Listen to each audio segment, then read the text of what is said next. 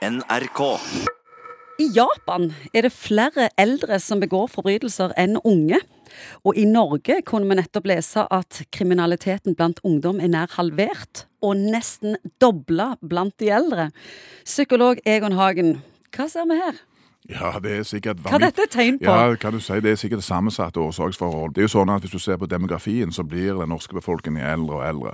Og Når vi skal på sykehjem, hvis den tida måtte komme, så er det virkelig kø for å komme inn. Vi blir eldre og eldre. Og klart at det reflekterer seg sikkert òg litt i forhold til sammensetningen av egen norsk fangebeholdning. Men dette er ikke bare eldrebølge. Kriminaliteten blant ungdom er nær halvert. Ja, det er sant, men det er liksom både det at det blir flere eldre, men jeg tror, eh, sist jeg var inne og sjekka litt før programmet, og jeg tror det er relativt få 70-åringer i norske fengsler. Det er godt mulig at dette er gått helt av skaft i Japan.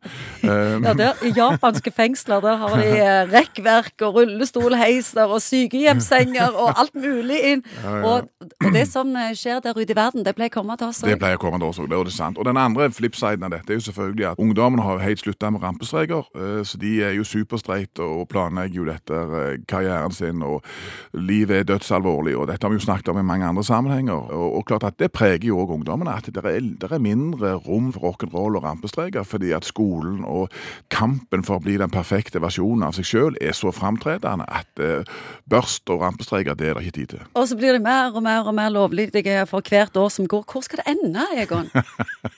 Ja, jeg tror på en måte det, det for jeg har sagt det før, follow the money, det er nødvendig, tror jeg, for å være sikre seg en jobb, at du er super langtidsplanleggende og følger med. Og så er det jo selvfølgelig òg There's no free lunch der, er en kostnadsside med dette, og nemlig at folk får alle disse bekymringene, som vi har snakket om mange ganger før. Og redd for ikke å være flinke nok, osv.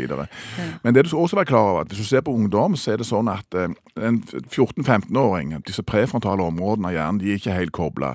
Så det er de områdene du bruker som, du, som er kjappest og best. Og en 15-åring vil ha en ganske god forståelse faktisk av risikobildet. Hva er lurt å gjøre, hva er ikke lurt å gjøre når han er alene. Det spesielle er faktisk at når ungdommer er sammen, så da har du bilulykker, de kjører fort i bil, og det er nesten ikke ungdomskriminalitet av enkeltpersoner under 20 år. De er nesten alltid flere sammen. Sånn var det før. Og det som sikkert skjer nå, det er at når det er flere sammen, kanskje er det sånn at en greier å speile hverandre eller korrigere hverandre, sånn at eh, en detter mindre ut på å gjøre disse dumme tingene enn det som var tidligere. Ja, de unge sitter jo foran PC-en, og de unge sitter jo gjør leksene, og de unge sitter jo og ser på sixpacken sin om, om de er fornøyd med den. Og da er det lite tid til å gå ut og finne på rampestreker. Jeg tror det er litt det vi ser, er at det er kombinasjonen at befolkningen blir eldre, og samtidig som de unge er så opptatt av dette langtidsprosjektet sitt om å bygge en karriere, og bli så vellykka som de faktisk håper. Om vi risikerer at kriminaliteten dør ut?